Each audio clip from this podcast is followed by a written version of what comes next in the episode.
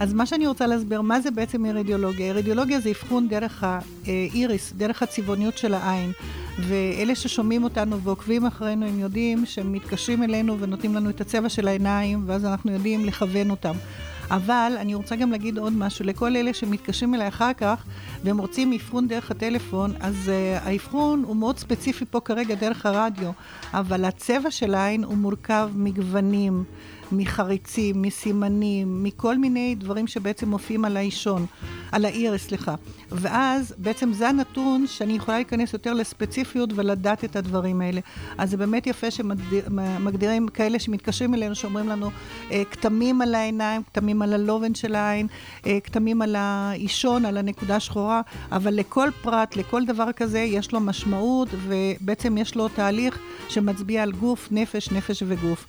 אה, לכן, מה שקורה, אני רוצה להסביר לכל אלה שפעם ראשונה שומעים את התוכנית, העין זה הכלי האבחוני היחידי שמאפשר לראות את כל מה שחווינו בחיים, אה, החל משלב העוברות, משלב היותנו כעובר בבטן האם, ועד לרגע שמגיעים אלינו, וכל סימן על העין, בעצם יש לו גם אורך חיים, שזה יכול להיות בין 15 ל-20 שנה קדימה, שאפשר לראות אם הבן אדם הוא נמצא במצב של גירוי.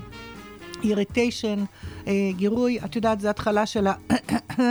או כל מיני כאלה שמגרדים, אבל הם מצליחים, מה שנקרא, להתגבר על זה. השלב השני זה באקוטי, שזה השלב הכאב, הכאב החזק, עם זה שזה... אבל הוא סימפטום מאוד קצר, מאוד מהיר. אה, ואחר כך אנשים פשוט חושבים שהמחלה חלפה מעליה, בעצם הם לא יודעים שהמחלה ירדה לשלב אה, סאב-אקוטי. שזה נקרא מתחת לאקוטי, אחר כך כרוני ואחר כך לניווני. כל תהליך כזה של מחלה, כמו שהסברתי, בעין אפשר לראות, וגם הרפואה יודעת שלוקחת בין אה, 0 עד 20 שנה שבעצם היא מתפתחת ואפשר לראות את התהליך הזה.